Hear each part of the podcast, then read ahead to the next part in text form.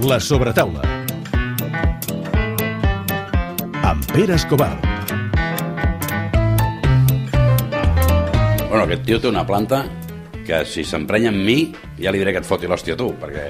És jugador de waterpolo, eh, es nota, eh, només de veure'l. Eh, avui visitem per primer cop les instal·lacions del Club Natació Terrassa per parlar amb un dels fitxatges estrella eh, del, del club. Internacional absolut amb la selecció espanyola, ha sigut màxim golejador de la Lliga, gran esportista i li agradi o no, s'ha convertit també en un referent. Des que va reconèixer públicament la seva homosexualitat, el nostre personatge és un referent en un món, el món de l'esport, que sovint, i no ens enganyem, és clarament homòfob. Ens trobem cara a cara amb el Víctor Gutiérrez. ¿Cómo estás, Víctor? Muy bien, muchísimas gracias de, por venir. No, no. Eres protestón y divertido, lo dices tú. Sí, es verdad que, que soy una persona con carácter y bueno, pues las cosas que no me gustan no me las callo porque yo creo que es peor. Es peor que al final se va acumulando y, y al final sale todo por otro lado. Y bueno, pues divertido que es como hay que afrontar la vida. Eh, empezaste en la Natina, toda la vida en el canoe, eh, como capitán, y de repente vienes aquí, al Tarrasa. Eh, me imagino que, que en, en el canoe mucha gente no lo habrá entendido, porque es ley de vida, pero tú querías dar un salto. Sí, la verdad que yo, yo he tenido la suerte de que desde que llevo en División de Honor, que son esta es la, la decimoprimera temporada, pues siempre he tenido todos los años alguna oferta para, pues para pegar el salto. Es verdad que bueno que el canoe ha tenido un equipo muy competitivo durante muchos años, pero la realidad es que el, waterpolo, este deporte, pues es más fuerte aquí, eso es una realidad. Y siempre he tenido eh, todos los años ofertas para venirme aquí y dar ese saltito, pero bueno, al final por una cosa o por otra eh, no, no vi que fuese el momento, bien por la oferta deportiva, por la económica o por el momento personal que yo pudiese estar. Pero mira, si, si me haces esta pregunta hace justo un año, jamás hubiese pensado que iba a estar aquí. Pero bueno, pues de repente llega el Tarrasa, que es un- uno de los mejores clubes de España, con una- un proyecto deportivo muy ambicioso, con la posibilidad de clasificarnos para jugar la Champions. Y bueno, pues además siendo año olímpico, yo, no- igual que otros años, no, no vi el momento de dar ese salto.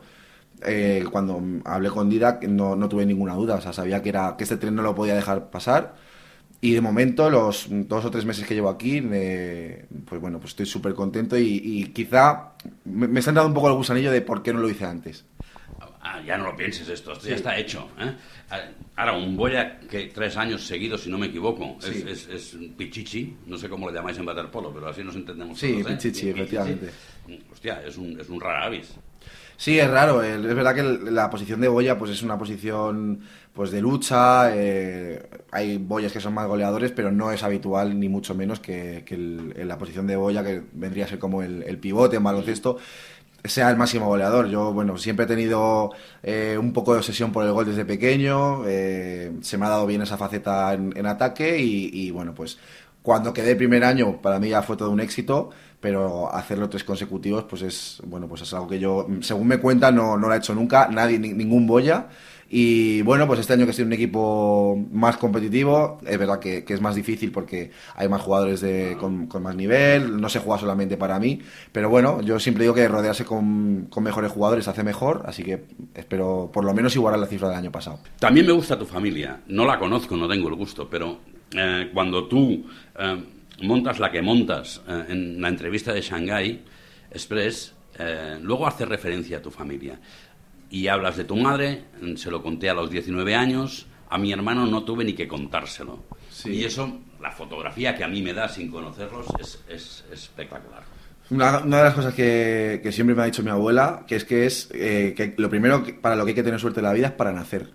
Y yo tengo la suerte de haber nacido en una familia que nunca me ha faltado de nada, que siempre me han brindado pues su cariño, su apoyo. Esa no es la realidad que otros muchos chicos y chicas viven, que nacen en una familia pues que puede ser homófoba y, y, pues a lo mejor deciden llevarle una terapia de conversión a psicólogos cuando realmente sería al revés, ¿no? Los que lo necesitarían serían ellos. Yo tuve la suerte de, he tenido la suerte de nacer en una familia maravillosa que, que desde el primer momento pues ha estado siempre a mi lado y que cuando eh, yo abrí este melón en casa y, y me sinceré y conté que era homosexual, pues lejos de encontrarme cualquier tipo de reproche, como debería ser en todos los casos, pues mm, lo que me he encontrado ha sido eh, cariño, eh, comprensión y apoyo, ¿no? Y, y cuando tú tienes el pilar familiar tan, tan fuerte, creo que te puedes enfrentar a cualquier cosa. Te iba a preguntar eso. Sin eso, sin ese pilar, a lo mejor no hubieras dado el paso.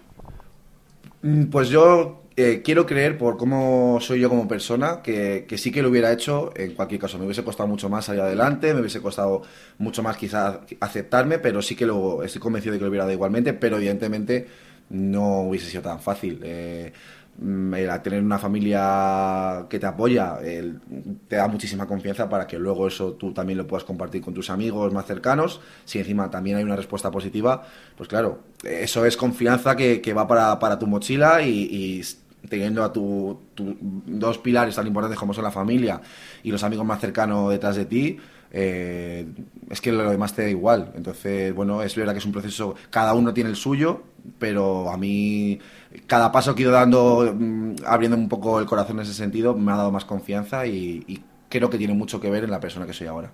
Tú haces la entrevista, pero me da que antes de que saliera publicada o en el momento en que te ves en la portada, piensas, ¿dónde coño me he metido? Sí, sí, totalmente. Además, así fue así.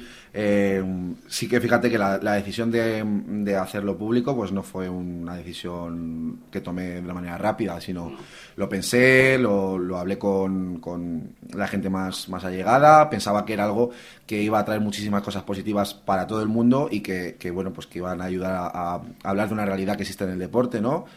Y, mm, pero bueno, eh, cuando ya estaba todo el reportaje hecho, las fotografías hechas y estaba la revista impresa y me la mandaron, la vamos a sacar ya. Eh, reconozco que me entró, me entró miedo escénico, me entró pánico y dije, pero ¿quién me manda a mí? Porque es verdad que, bueno, yo estaba eh, desarrollándome profesionalmente en mi deporte sin ningún problema. Siempre he dicho que uno de, las- de los motivos por los que decidí hacerlo público fue por el buen feedback que, que yo había tenido con mis compañeros, que sí que lo sabían. Es decir, que yo no estaba sufriendo homofobia, yo estaba terminando mi carrera, tenía mi, vida más o menos encaminada y, dije, y ahora me, me meto yo en esto y cualquiera desde un móvil, ah, desde una pantalla me puede insultar, puede llegar a mí, me puede encontrar. Me dio un poco de miedo, pero, pero bueno, pensé, a ver, Víctor, si esto es una cosa que, que tú has decidido eh, de una manera sopesada, no, no tengas miedo porque esto es lo correcto y, y la verdad que así ha sido. Yo es una de las cosas de las que más orgulloso estoy en mi vida y además eh, orgulloso también de decir que, que solamente me ha traído cosas positivas, no me ha traído ni una cosa negativa. Joder, pues está muy bien.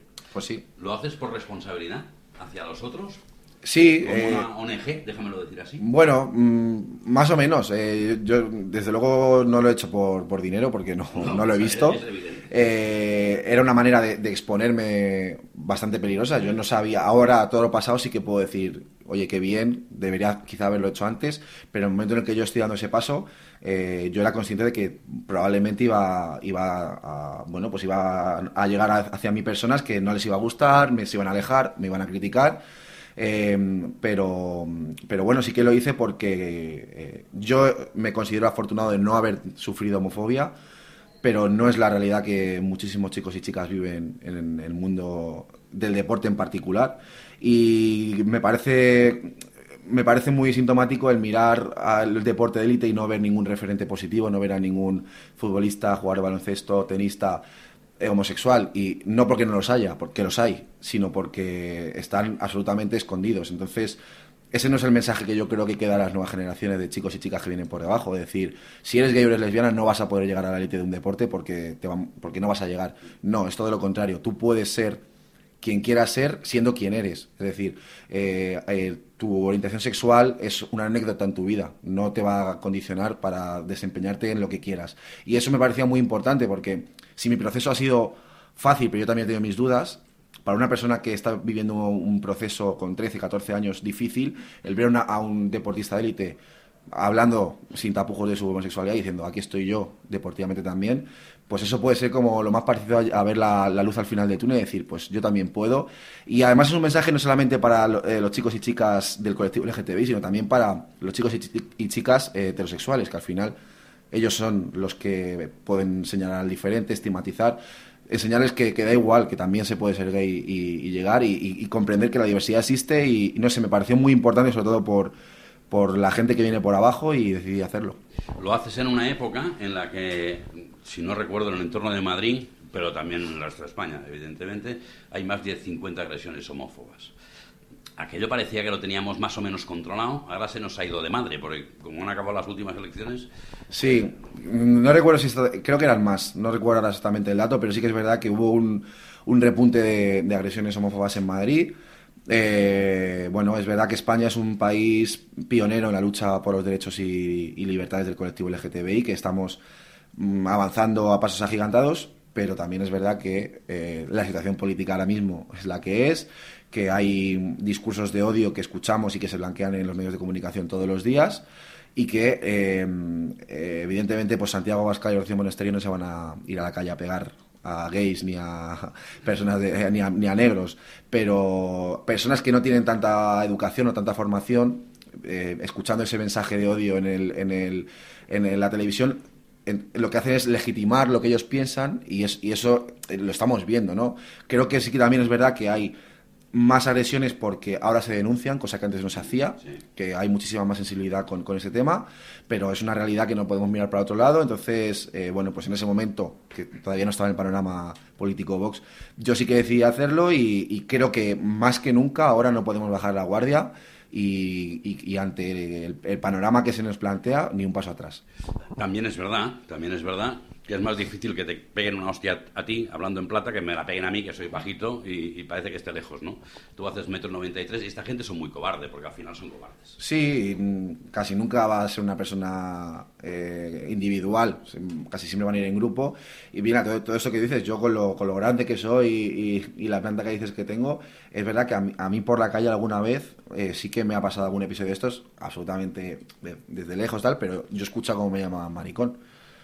Luego también está la importancia que tú le quieras dar. Eh, yo, mira, ni me he girado, pero sí que, fíjate, que es que el, el, miedo, el, la, la, homofobia es tan, tan, tan estúpida y tan ingenua que, que es un tío de unos 72 es capaz de, atreverse a llamarme maricón, pero porque le, es que porque le sale. Eh, o sea, el, odio este es tan, tan, tan profundo que es que le da igual que incluso yo le, me pudiese encarar con él, incluso golpearle en un momento dado. Eso le daba igual con, con, tal de sacar él o esa persona el, odio que lleva dentro. Entonces es es preocupante, pero bueno, eh, para mí la respuesta fue continuar caminando sin mirar atrás y se acabó. Esa es la mejor respuesta. Pues También forma parte de, nuestra cultura. Tenemos 5.000 frases. Maricón el último, lo habrás oído 100 veces. Sí, es una... Bueno, de, está en nuestro ADN, en nuestra lengua. Eh, lo primero que aprenden los niños, desgraciadamente, es maricón y puta son las, las palabras que, más rápido aprenden. Eh, pero bueno, yo sí que soy muy concienzudo en esto de decir de que eh, las, es muy importante el vocabulario que utilicemos y si podemos hablar bien, maricón el último, bueno, pero tú has entendido lo que quería decir, digo, ya, pues dilo bien. Dilo de otra manera. Dilo bien, porque también entiendo cuando dices concreta, pero si puedes decir croqueta, pues lo dices mejor, pues no pasa nada, ¿no? Entonces, más que nada porque, aunque lo, entendamos, eh, no sabemos qué persona puede estar escuchando esa palabra, en qué momento puede estar esa persona, entonces esas palabras al final siempre retumban en las cabezas de las personas que, que bueno, pues los gays, las lesbianas, que sobre todo los que no están fuera del armario, esas palabras y esas expresiones retumban y luego a la hora de tomar decisiones, pues amedrentan, acobardan. Entonces, eh, si se puede hablar bien, pues mejor, mejor que mejor.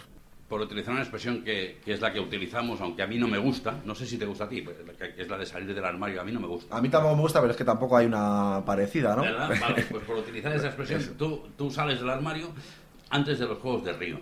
Sí. Tú no vas a los Juegos de Río. No. ¿Crees que tiene algo que ver? No, no creo que fuese. O sea, creo que fue, fue, una decisión técnica, bajo mi punto de vista, una decisión técnica incorrecta, porque yo en ese momento. Eh, bueno, pues estaba en un buen nivel deportivo. Eh, en Madrid estabas de luces. Sí, sí, sí, o sea, estaba en, bueno, en muy buen momento. Para mí fue una decisión equivocada, pero es una opinión al final personal. Eh, pero lo que sí que estoy convencido es que no tuvo absolutamente nada que ver con mi orientación sexual. Y bueno, pues ya está. Por lo tanto, una decisión honesta. Sí, sí, bueno, fue una decisión del seleccionador en su momento, que es el que decide. Yo hice lo que tenía que hacer, que era entrenar y dejarme todo, y luego, pues bueno, al final que decides otra persona, pues fue una gran decepción, pero bueno, muchas veces se aprende más de, de, las caídas que de, las victorias, ¿no? y, yo estoy también orgulloso de decir que me supe levantar. Aquí estamos. si está de aquí dos días viene Sí, es verdad, es verdad. Aquí, bueno, tampoco es fácil, ¿no? Hay un equipo que ya está muy cerrado, que está compitiendo muy bien. Yo, Te lo bueno, estás poniendo difícil al sí, yo las, las, las opciones que tenga las voy a intentar aprovechar al máximo. Y bueno, pues pase lo que pase, lo que te aseguro es que voy a poder dormir muy tranquilo porque lo que está en mi mano lo, lo voy a poner como siempre. Digo, se lo estás poniendo difícil porque tener a un Boya que, que gana tres pichichis consecutivos, ¿cómo- ¿cómo no lo llevas? Sí, bueno, el- es verdad que, que en ese aspecto estoy muy bien, pero bueno, además este año me he venido un equipo Más eh, potente. más potente para pelear por, por todo, para poner las cosas difíciles a Barceloneta en Liga y en Copa. Estamos jugando competición europea, eh, estamos jugando Champions, tenemos mucho ritmo de partidos eh, cada semana, estoy- estamos midiéndonos con, con rivales de nivel internacional y nivel de selección. Y bueno, pues eso me va a hacer crecer y, y seguro que el seleccionador pues me va a tener en cuenta y bueno, pues luego veremos qué pasa. Eres un tío valiente, me recuerdas a un, a un judoka que conocimos que se salió de la competición y volvió. Mar- Mar- Mar Fortuny, Sí, señor, sí. Mar. No me acuerdo el nombre, joder, ves cómo tiene una memoria que yo, que chaval, que está aquí al lado. Y es un chaval espectacular, espectacular. Y este, curiosamente, tuvo que salir para poder volver. Sí. Es decir, si no lo hubiera dicho, no hubiera vuelto a la competición. Y se sorprendió, como tú, de la reacción buena generalmente Sí. de su entorno. Sí, yo he tenido la oportunidad de, de hablar también con Marc y, y, pues es lo, lo que llevamos hablando todo este rato, ¿no? En qué pena que, que- que un chico con potencial deportivo y con buenos resultados tenga que, que abandonar su, su pasión por sentir eh, estrés, sentir presión de, de- de decir, no se puede enterar nadie, es absolutamente triste que, esto pase en España en el, en el bueno, me parece que lo, dejó en 2017, 2016, absolutamente triste, ¿no? Hace falta muchísima más educación eh, en, la base, hacen falta leyes, como he dicho, que, lo persigan, persigan la, la en los espacios deportivos y, y hacen falta más referentes positivos, ¿no? Y fíjate, yo cuando en el 2016 decidí dar este paso, mm, estábamos Javier Raya, que salió también, y, y yo. Y ahora, pues sí que hay muchos más deportistas en España. Ha salido una boxeadora, ha salido Marc, ha salido Peralta, eh, Mapi. Mapi, es decir, hay, hay un gran número ahora de deportistas que están poquito a poco también poniendo su granito de arena y creo que ese es el, ese es el camino, ¿no? Que, que enseñar que, que, como decía antes, pues que en el deporte caemos todos y que la orientación sexual es una anécdota, Hay que tener capacidad, no gustos distintos para triunfar en el deporte. efectivamente.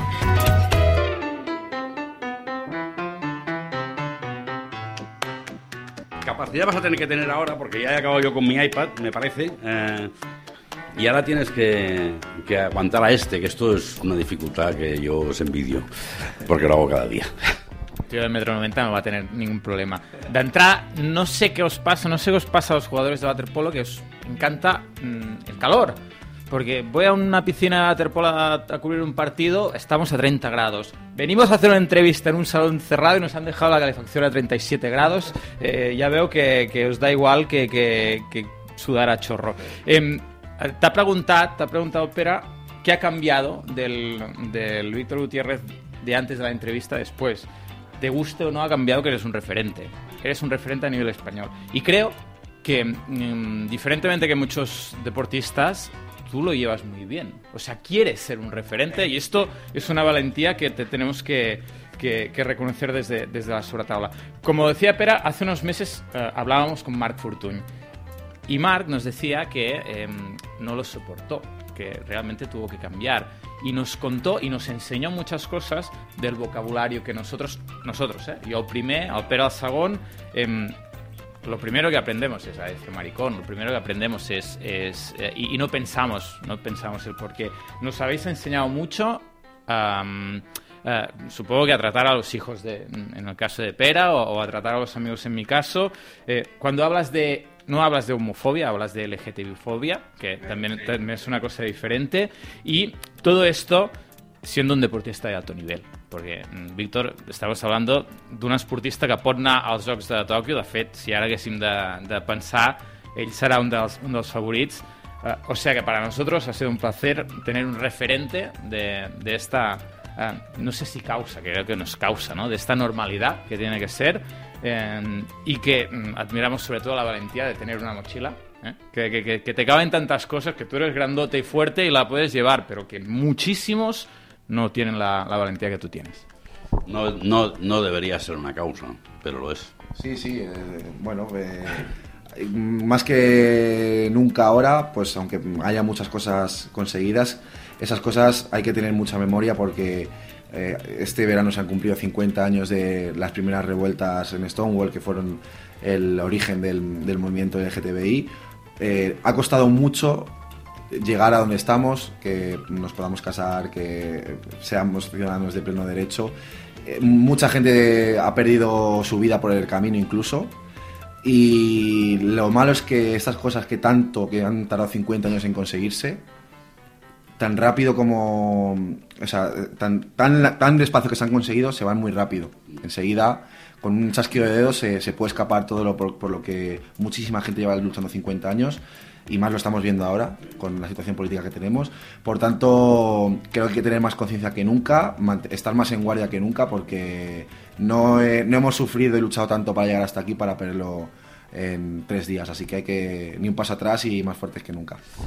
Pues entre una cosa y la otra estarás distraído, porque ahora tenemos que ir a Tokio, eh, cuando puedes te debes escapar a casa a ver a tu madre y a tu hermano, eh, tienes que conseguir un triunfo grande, o sea que no está mal, no está mal. Sí. Oye, muchas gracias por dejarnos un trocito para hablar y, y disfrútalo, Nada, es lo que tienes. Muchísimas gracias a vosotros, ha sido un placer y además también por, por vuestras palabras de que bueno que me gusta mucho escuchar esas cosas, así que, que nada, que aquí tenéis también vuestra casa. Gracias.